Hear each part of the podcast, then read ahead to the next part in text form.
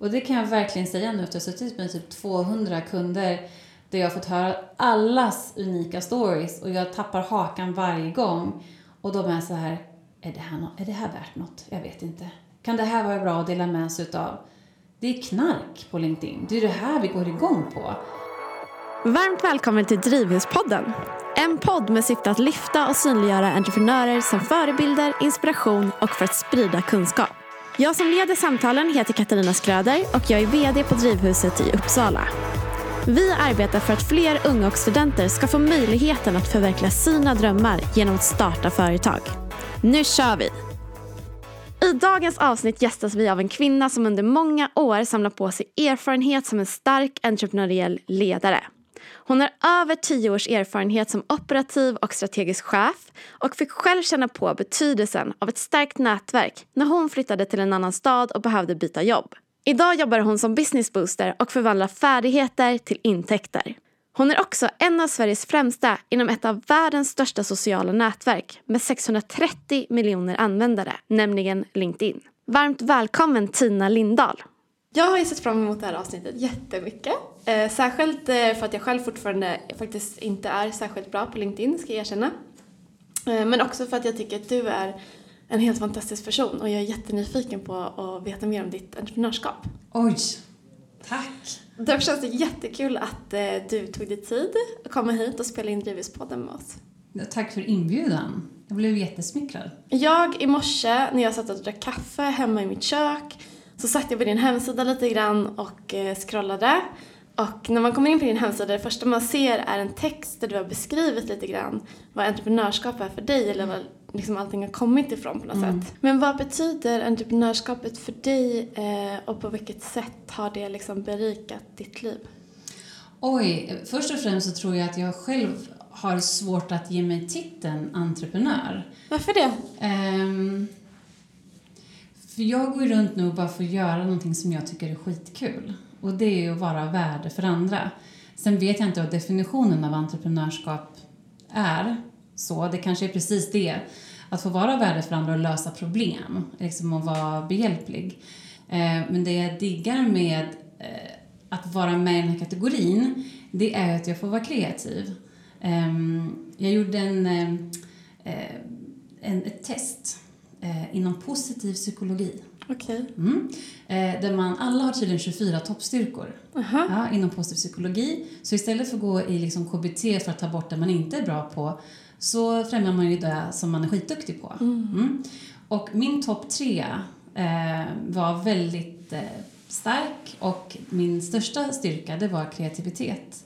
Eh, och det borde jag ha hört för flera år sedan, för jag har alltid fått ursäkta min kreativitet, för jag har upplevt som väldigt jobbig i arbetslivet. Okay. Jag har varit den som har sagt, men kan vi inte göra så här istället? Vad tror ni om att vi tänker på det här sättet? Mm. Och det passar inte alla ledare att ha en sån kollega som håller på på det sättet. Mm. Ehm, och nu får jag ju betalt för att vara kreativ, för att lösa andras problem. Mm. Så jag kan leva och jag får luft. För det är så jag ser mitt entreprenörskap, att när jag får vara värde för andra och jag får betalt för det så ger det mig luft till att fortsätta vara kreativ och få fortsätta leva den här drömmen. Mm. och få använda dina positiva sidor och mm. förstärka dem. Ja, verkligen. Inte behöva ursäkta mig för dem. När, eh, för jag tänker så här, när startade din entreprenörsresa? Var det då när du var 20, alltså som du beskriver här i texten, eller var det tidigare? Eller var, när kom liksom intresset för det upp? För mig är entreprenörskap någon som är driven och sätter igång saker mm. och är kreativ och handlingskraftig. Mm. Och de epiteten kan jag ju verkligen känna igen mig i. Ehm, jag har alltid varit den här naturliga ledaren, men jag har också varit väldigt rättvis och sett till att Eh, man ska bete sig rätt och man ska vara schysst. Eh, så. Eh, och det är inte alltid det går att vara en ledare och ha den eh, värderingen. Ehm, så entreprenörskapet som jag har nu, nu blomstrar det. Men när jag har jobbat som chef, vilket jag gjort i tio år, då har jag också fått vara entreprenöriell genom att jag har fått mandat till att ta beslut mm. och att utveckla och realisera mitt teams drömmar och sådana saker. Um, men det är väl först nu som jag har nått en nivå av kreativitet eh, som är skitkul och som gör att det går väldigt bra för mig och mina kunder. Mm. Vad roligt.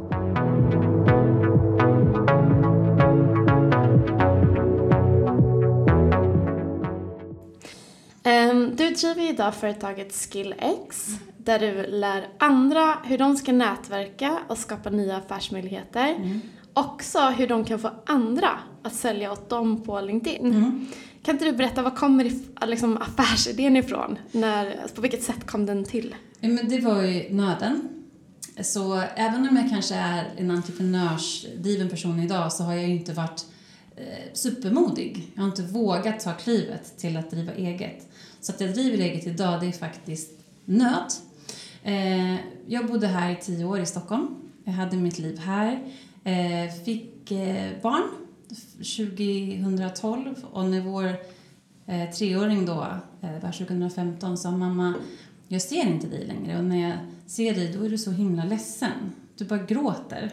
Då kände jag bara, ah, nu är det nog dags att göra någonting med situationen. Och jag och min man var uppe i ett ekorrhjul. Vi okay. jobbade hårt här i Stockholm och vi hade bra tjänster och det gick väldigt bra mm.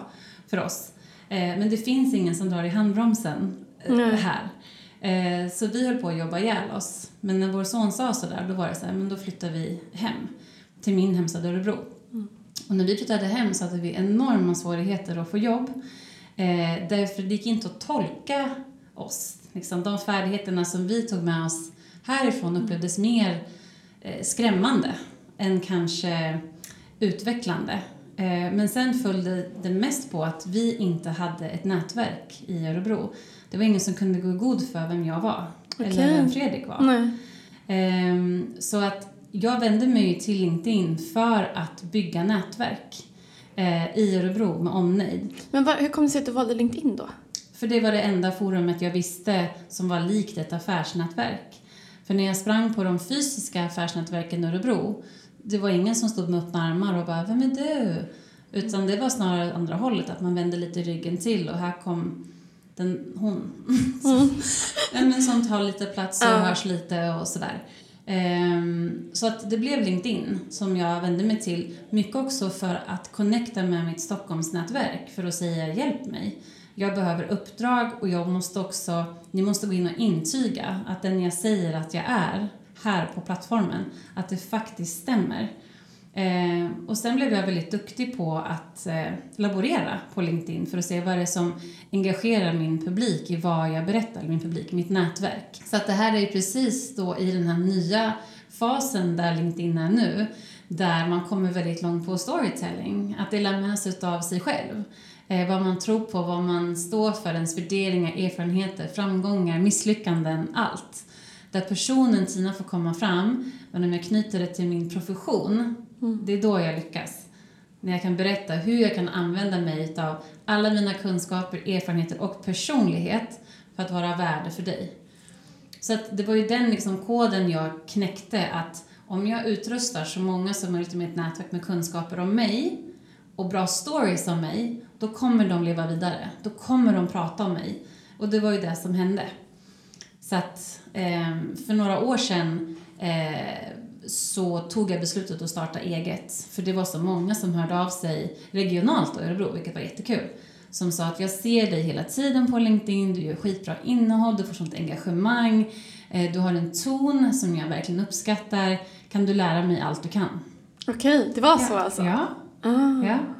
Så, och det som har hänt sen dess är ju att um, dels har jag hjälpt företagare, både små, medel och stora företag, men jag attraherar också väldigt många egenföretagare som eh, inte kan marknadsföra sig själva, inte kan nätverka och de inte kan sälja. Mm. Eh, och då är det svårt liksom att leva på det man kan mm. och det man vill. Så de har jag attraherat väldigt mycket under åren och det är ju fantastiskt kul mm. att jobba med dem. Men var det tanken från början? Att Nej. du skulle börja jobba med LinkedIn och så här när du Nej. började sprida? Nej. Nej. Mm. Alltså hade någon frågat mig för ja, 2015, vad gör du 2019? hade jag ju aldrig svarat det här. Nej. Men jag inser ju att om jag inte hade haft mina tio år i Stockholm, mm. där jag har jobbat på väldigt många olika bolag, suttit i ledningsgrupper, eh, varit ledare eh, fått varit med om väldigt mycket under en kortare tid, då, tio år, då hade jag aldrig lyckats så bra som jag gör nu. Mm. För jag kan kliva in i vilken verksamhet som helst och jag kan förstå hur jag kan vara utav värde.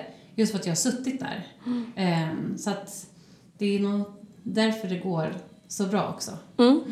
Du har ju uttryckt att eh, LinkedIn är världens största affärsnätverk och det sa du ju precis också. Eh, och påstår att man kan både möta och engagera sin målgrupp och öka sin försäljning Mm. genom att vara aktiv där. Mm. Eh, men finns det liksom statistik på att man kan öka sin försäljning eller hur funkar det? Alltså Det- hur kan man mäta det på något Jag, sätt? LinkedIn gör ju väldigt många sådana undersökningar. Sen finns det andra Eh, agenturer eller företag i USA som också gör sådana eh, undersökningar där man kollar på företag som aktivt engagerar sig på LinkedIn för att se får de en ökad mötesbokningsfrekvens, eh, får de fler avslut, får de fler inkommande leads. Så att sådana undersökningar görs absolut. Eh, jag vet inte hur många det är som gör det i Sverige. Men det är vedertaget att de som är på LinkedIn, eh, nu har jag inte statistiken i huvudet bara för det, eh, men det är en väsentligt mycket större procent eh, som når sin budget, alltså säljbudget, om Okej. man är på LinkedIn. Eh, men man kan ju inte bara vara där, det handlar inte om att bara liksom, ha en profil. Utan du måste utbilda och du måste underhålla. Vissa kan ju uppleva idag att LinkedIn har blivit lite grann som så Facebook, att det är väldigt, nästan lite narcissistiskt Mm. ibland. Eh, Att alla lyfter upp sig själva hela tiden och väldigt mycket fokus på sig själv. Ehm, vad tänker du eh, på det liksom påståendet? Ja, ja, alltså jag ser ju, jag tror det har att göra också vad man har för nätverk. Vilka personer som du bjuder in till ditt nätverk. Eh, jag ser tendenser eh, av människor som inte vet hur man ska bete sig. Jag tror att det har med okunskap att göra. Liksom till vad som funkar på plattformen eh, och inte. Jag nämnde två ord, att liksom utbilda och underhålla. Och det är nyckelorden för framgång på LinkedIn. Okej. Eh, Du ska utrusta ditt nätverk med kunskaper om dig och vad du kan. Eh, Så att jag enklare kan sälja dig. Okej. Du nämnde förut att, att jag har sagt att man kan skapa ett nätverk som säljer åt dig. Och det är så du gör. Du använder dina kunskaper och förmedlar dem. Sen om du gör det på ett sätt som blir narcissistiskt, att jag är störst, bäst och vackrast. Det gör ju att du förmodligen då trycker bort personer snarare än attraherar dem till att komma till dig. Så Mm. mycket handlar också om hur du kliver på plattformen, vilken tonalitet du har och också att du förstår vem är det jag vill attrahera när jag, när jag pratar på det här sättet. Eh, Men eh, berätta jättemycket mer om Skillex. Jag vet att du har liksom som tre olika pelare. Eller vad, liksom, vad ingår i ditt företag? Om du ska pitcha in ditt företag, vad Mm. består det av? Så jag kallar mig själv för en business booster. Mm. Eh, och det betyder ju, ja hur ska jag översätta det då? Att, att jag kommer in och ger liksom en liten en push, en boost. Eh, eh, att man maxar potentialen på företaget. Eh, och de tre benen som jag står på är ju då LinkedIn, att jag hjälper till med att få en närvaro på den plattformen som fungerar. Och sen även en business boost, och det är då jag går in och hjälper till, speciellt då egenföretagare, med att eh, koncepta, paketera och lansera sin business. För det är väldigt många som vill driva eget, men man vet inte hur ska jag förmedla mig själv? Hur ska jag ta betalt? Finns det någon hållbarhet i min affärsmodell? Eh, och sen hur ska jag också lansera min business? Vad behöver jag prata om när? Och det är då jag tar mina kunder till plattformen LinkedIn. Okej. Och sen så har jag även det som kallas för en people boost. Och det är ju när man eh, på ett företag känner att eh, vi har problem att rekrytera. Vi har problem att attrahera personal. Eh, vi har, eller så säger man vi har världens talanger på vårt företag, men vi berättar inte någonstans om det. Och då hjälper jag till med det. Att liksom personifiera människorna på ett företag och få ut deras stories eh, på LinkedIn. Okej, så allting fokuseras liksom runt LinkedIn på något sätt? Ja, precis. Så Ja. att eh, alla vägar leder eh, dit. Sen får man ju välja. Det finns ju vissa som jag jobbar med som bara vill ha hjälp med liksom själva konceptandet och paketerandet. Eh, men det jag är väldigt stark är ju LinkedIn och det är ju där också jag kan hjälpa till med ett extra lager eftersom jag har byggt ett sånt starkt varumärke för mig själv där nu. Så att om jag knackar på någon större och säger hej, får den här personen komma in? då är det väldigt få som säger nej. Så Mm. att det är mycket företagsmäkleri Mm. som jag hjälper till med.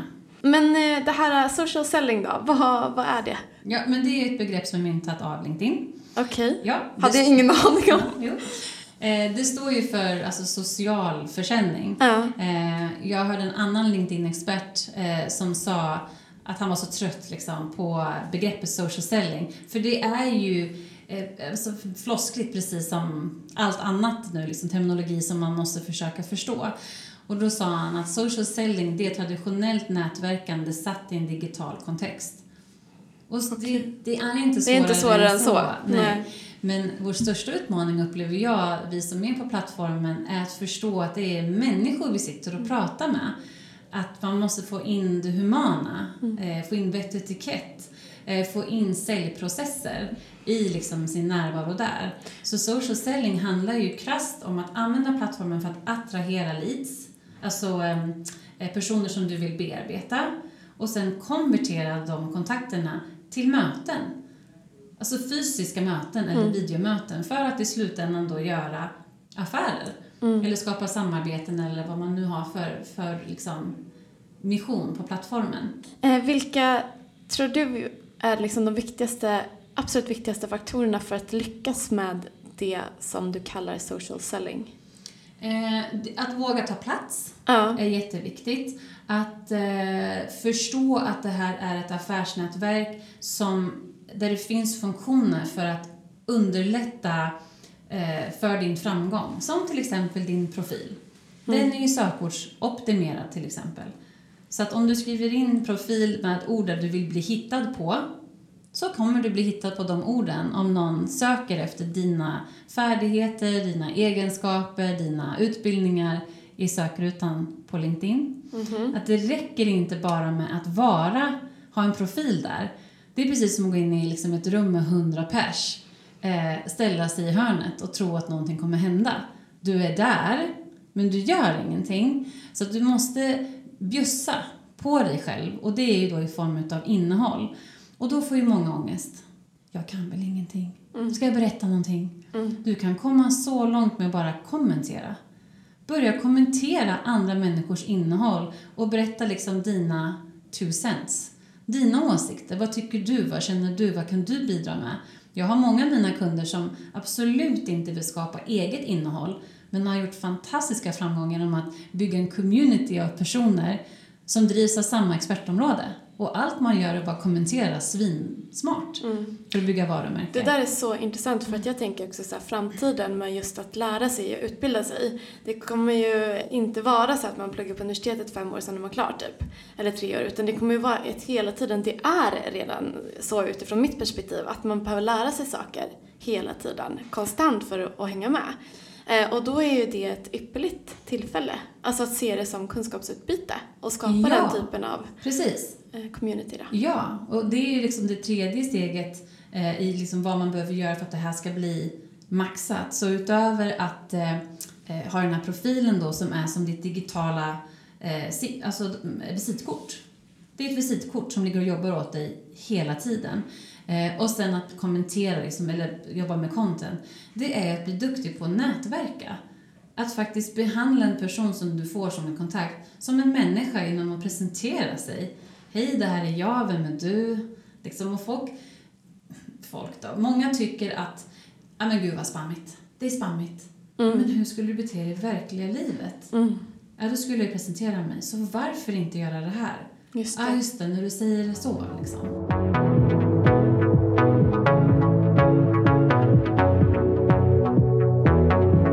Eh, Du har ju skrivit också så här, bli en tankeledare. Som en beskrivning på eh, alltså LinkedIn och social selling. Vad innebär det, bli en tankeledare? Det är ju att ta platsen på plattformen eh, i att vara den personen som kanske driver ett ämne framåt. En ämnesexpert, en Okej. tankeledare. Jag tror, jag känner att, jag vet att. Bli en person som tar platsen eh, i att förmedla kunskaper, förmedla värderingar, förmedla historier eh, och att man gör det så pass duktigt att nätverket vet att när Tina öppnar munnen eller skriver på tangenterna på LinkedIn då kommer det handla om det här ämnet. Jag kommer underhållas. Jag kommer att utbildas i det. Eh, people boost då? Eh, där är det mycket så här, eh, men välmående och lönsamhet, att det hänger ihop. Mm. Eh, hur ser du på det? Eller vad menar du med det?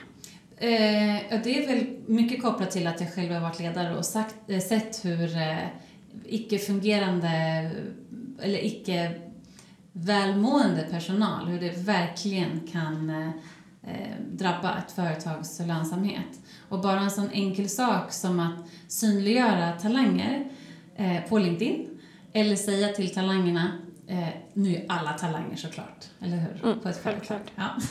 Nej, men att säga till sina anställda eh, det är viktigt att ni mår bra på jobbet. Eh, vi vill främja att ni bygger en community av personer som drivs av samma varför eller samma expertområde. Vi vill främja eh, den typen av aktivitet på LinkedIn till exempel.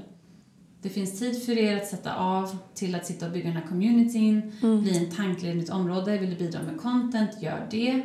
Eh, och bara man får eh, gå in i ett företag och bidra med det tankesättet, mm. att du är värdefull, dina kunskaper är värdefulla, eh, du får ta den här platsen, eh, dels på företaget men också på den här plattformen. Det bidrar ju verkligen till ett ökat välmående och i slutändan även lönsamhet. För man kommer ju attrahera då personer som drivs av den här personens intressen, tonalitet, eh, eh, content Eh, och även kunder, mm. för den delen. Och någonting som verkligen slår mig eh, är ju att företag kan spendera typ 50 till 100 000 på att rekrytera en person. Yeah. Eh, man skriver en annons att du ska ha de här färdigheterna, de här egenskaperna, du ska komma in och ha, eh, göra de här sakerna. Mm. Och det är ju en supermänniska oftast. Alltid nästan. Alltid. Och så kommer den här människan in på för att man hittar den här personen. Det är helt otroligt. De finns. Men vad händer sen? Rent marknadsföringsmässigt? Ingenting. Det blir kanske ett pressmeddelande. Nu har den här personen kommit in. Men att synliggöra personens talanger på LinkedIn, eller att prata om det, nu har vi hittat henne. Nu har vi hittat honom. Att låta den personen ta plats och bygga brand på LinkedIn och berätta om alla sina erfarenheter på LinkedIn för att stärka företagets varumärke som man precis har klivit på. Så tänker ingen. Nej. Nej. Och där bara väntar jag på att någon ska ringa mig. Ja. Och bara, let's go. Ring Tina. Ring mig. Hur tycker du då att som egenföretagare eh, och startup, hur ska man använda sig av LinkedIn. Nu har vi pratat ganska mycket om det. Men jag tänker mer på det här som du pratade om med försäljning mm. och säljdelen. Mm. Eh, liksom, hur kan man använda LinkedIn om jag då är ett startup till exempel för mm. att öka sin försäljning? Jag träffar ju flera hundra startup varje år mm. eh, och jag tror inte så många av dem aktiva på LinkedIn om jag ska vara ärlig mot dig nu. Inte nu. Nej. Men kanske sen. Sen förhoppningsvis. Eh, men vad ska de, liksom, hur kan de öka sin försäljning där? Mm. Så precis som i verkliga livet så tar det tid att bygga ett nätverk. Det tar tid att bygga relationer. Det är viktigt att förstå att det finns ingen quick fix på LinkedIn för att börja sälja imorgon. Du måste förankra dig på, på nätverket. Du måste vara värde på nätverket i form av att du bjuder på dina kunskaper och värderingar och erfarenheter. Att du får ett förtroende hos ditt nätverk. Att om det är någon som kan lösa mitt problem eller någon annans problem med sina kunskaper, produkter och tjänster så är det det här företaget. Så när liksom du har kommit så pass långt att du har profilerat dig, du har byggt ett nätverk och du börjar underhålla med content, då borde du få in volym i form av kontakter.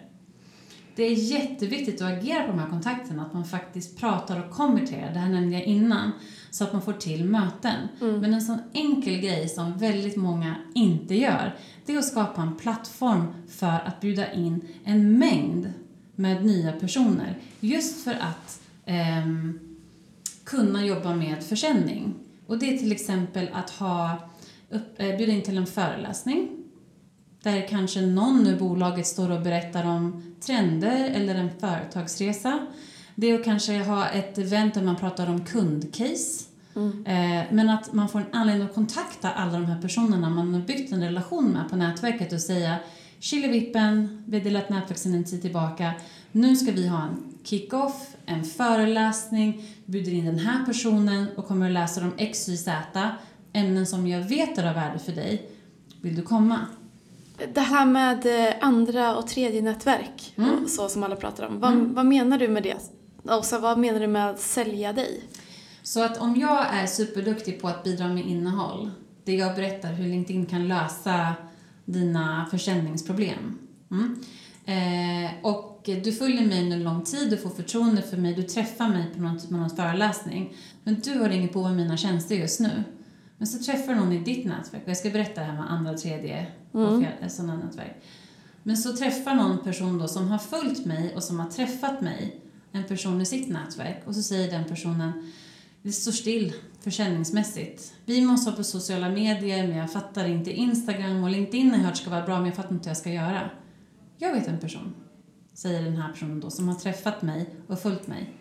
Tina. Mm. Personen har inte köpt mina tjänster. Vi har aldrig samarbetat. Men känslan är så stark att vi samarbetar. Just det. Att den personen lägger sitt varumärke i mina händer och säger Kör med Tina. Mm. De går i god för mig. Det är ju den säljkåren jag har byggt upp på LinkedIn idag.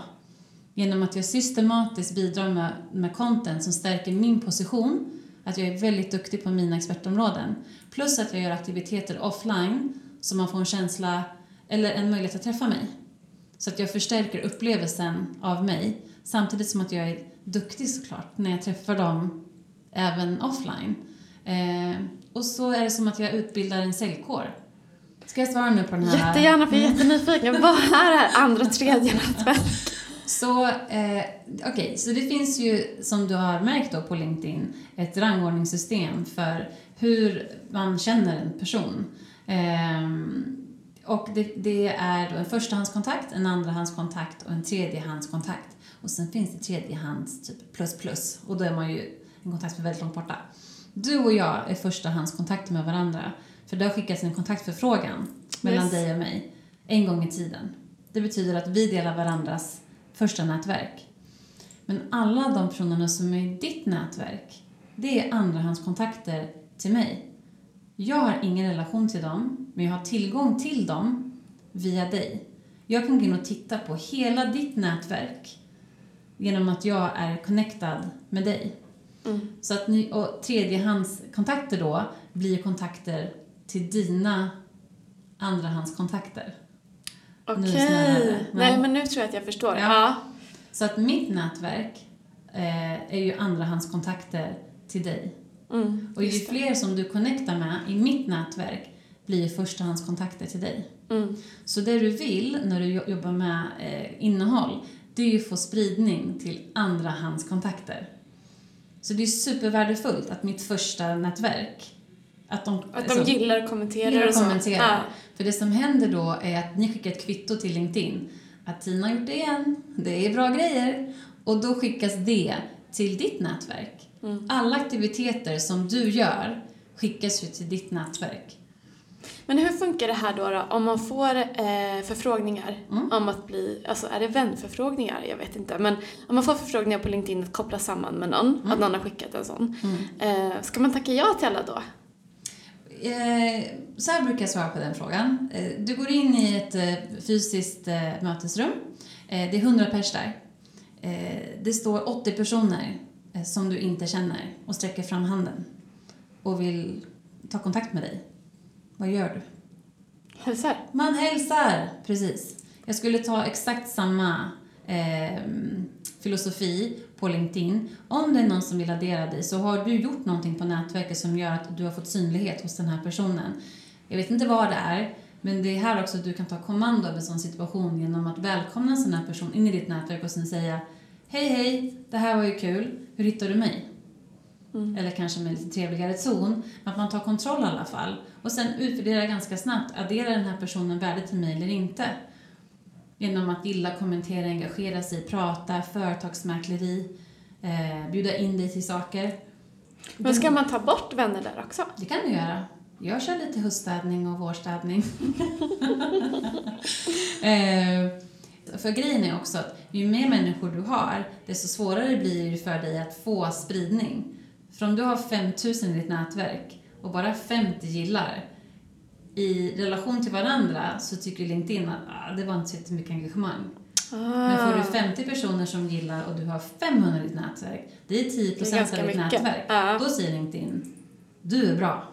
Du får spridning. Mm. Så att liksom, att, och precis som i verkliga livet, har du ett fungerande nätverk i verkliga livet där alla har koll på vad du gör, de jobbar åt dig, du får re- rekommendationer och referenser, go! Men har du ett nätverk i verkliga livet här i köttvärlden, som det heter, som du känner bara, det händer ju ingenting. Det är ingen som vet vad jag gör, det är ingen som rekommenderar mig, eh, det är ingen som ger mig affärer. Jag måste nog tänka om lite här. Men hur ska ett inlägg se ut då? Finns det några så här uh, dos and don'ts? Såklart. Då kör vi. Då kör vi. Eh, så storytelling är ju ett jättestarkt kort att spela med på LinkedIn. Eh, väldigt gärna prata ur jag-form. Okej. Vi vill lära känna dig. Eh, att dela med sig av värderingar och kunskaper är kvalitativt för oss. Att berätta stories när jag var med om. Eh, så här tänker jag gällande. Eh, tips och tricks är också jättevälkommet. Ehm, typ tänk så här när du ska stänga en affär. Eh, det här är min topp tre-lista för att boosta mig själv på en måndag. Sånt tycker vi om. Men det måste finnas ehm, en ehm, variation. Det får inte bara vara tips och tricks. Det får Nej. inte bara vara storytelling. Jag har ju en liten, en liten eh, teknik som jag jobbar efter. Eh, som heter serve, serve, serve, sell. Så jag, till 75 procent då så caterar jag massor med kunskaper. Tänk så här, gör så här, eh, det här hände mig igår. Och sen till 25 procent så säljer jag. Vill du också lära dig att? Vill du komma på min föreläsning? Nu finns det platser till en workshop.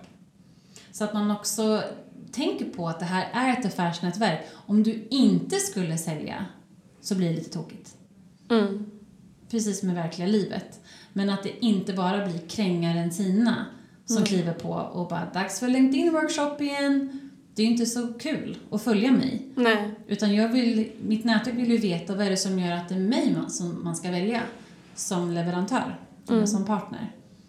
Så att... ehm, ehm, och att också inte vara blyg för att dela med sig av sin story. Alla har en unik story.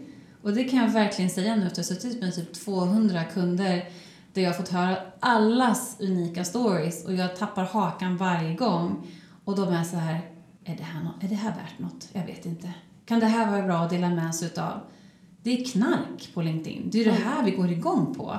Och liksom, vi pratar om community, det är ett ord som inte ens finns på svenska, tyvärr. Det är Nej. därför jag säger på engelska hela tiden.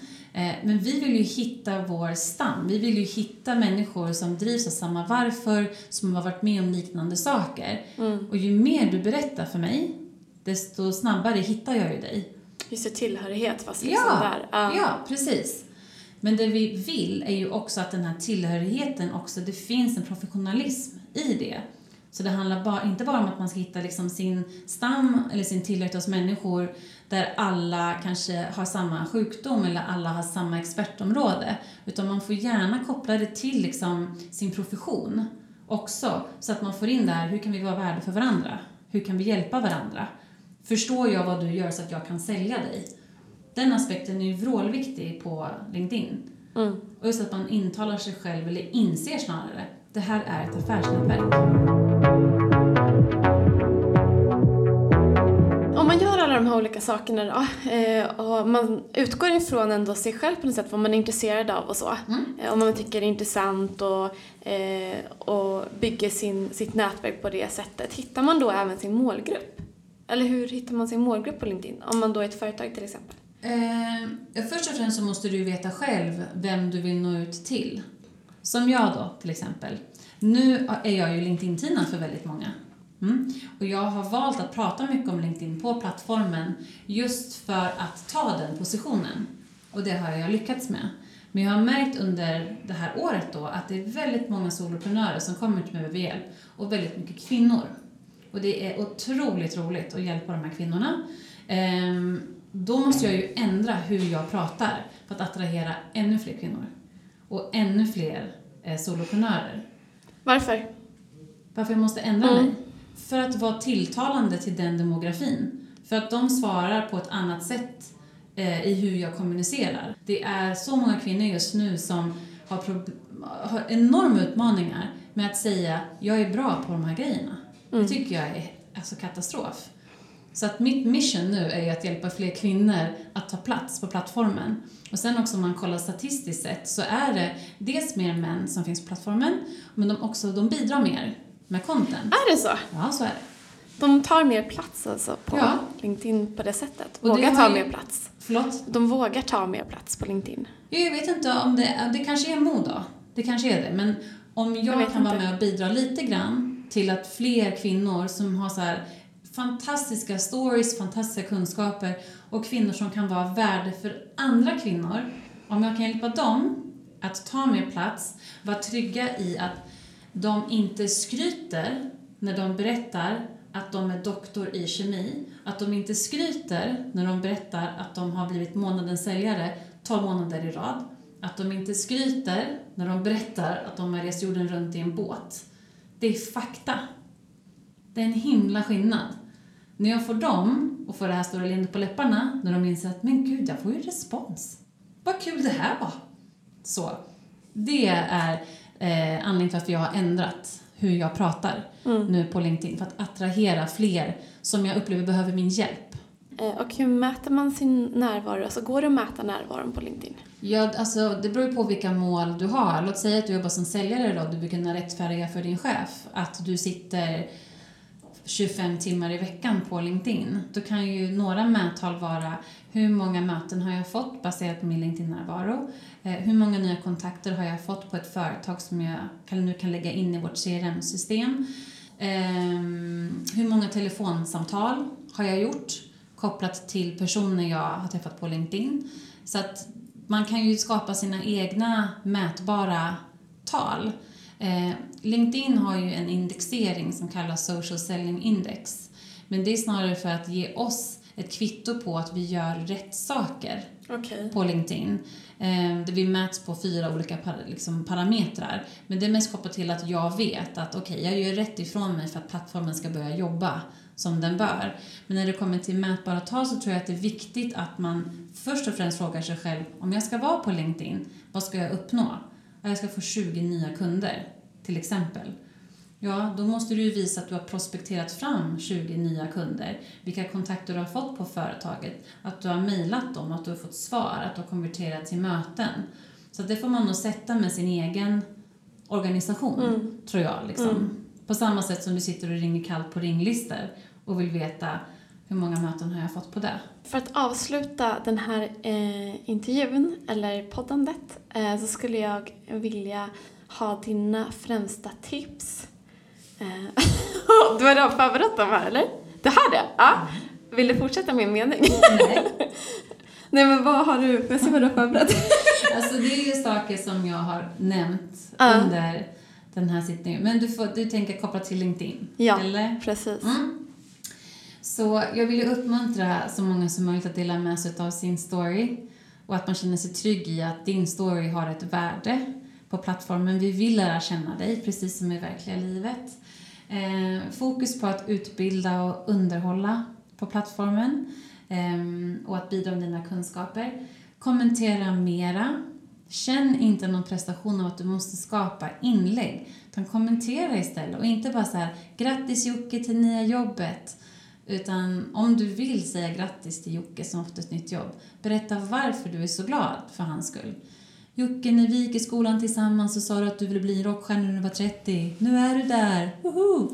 Då fattar ju vi att de två har en relation och att han har en ingång till Jocke som jag kanske vill åt. Eh, ja, skillnaden mellan skryt och fakta. Jag vill ju uppmuntra fler till att berätta om bra saker som de har åstadkommit i livet. Det är en himla skillnad att säga jag är bäst på att sälja. Det är ju skryt. Men att säga jag har varit den bästa säljaren 12 månader i sträck. Det är fakta och någonting som förankrar dig som väldigt duktig. Så ut med mer sånt. Och sen då, någonting jag får höra väldigt ofta är min integritet Tina. Jag är väldigt mån om min integritet. Jag vill absolut inte bli för privat på, på LinkedIn. Det behöver du inte bli. Du kan vara personlig och hålla det professionellt. Och skillnaden mellan privat och personligt är kanske att inte blanda in sin familj på LinkedIn. Då inte berätta om när man eh, kanske har PMS eller när man gör slut med någon. Utan istället kanske berätta att just nu har jag svårt att motivera mig själv till att gå till jobbet. Men så här gör jag för att ändra på det. Det är värdefullt innehåll på LinkedIn. Mm. Tack så jättemycket för att du var här tack. Alltså jag känner att jag har lärt mig hur mycket som helst. Vad kul! ja, tusen tack. tack. Det här avsnittet sponsrades av Radisson Blue i Uppsala. Det centrala hotellet med gångavstånd till resecentrum och världen erbjuder en konferens i världsklass. Tack för att du lyssnar på Drivhuspodden. Har du en idé? Kontakta oss på uppsala.drivhuset.se. Du, glöm inte bort att följa Drivhuspodden på Facebook och Instagram. Vi finns där poddar finns.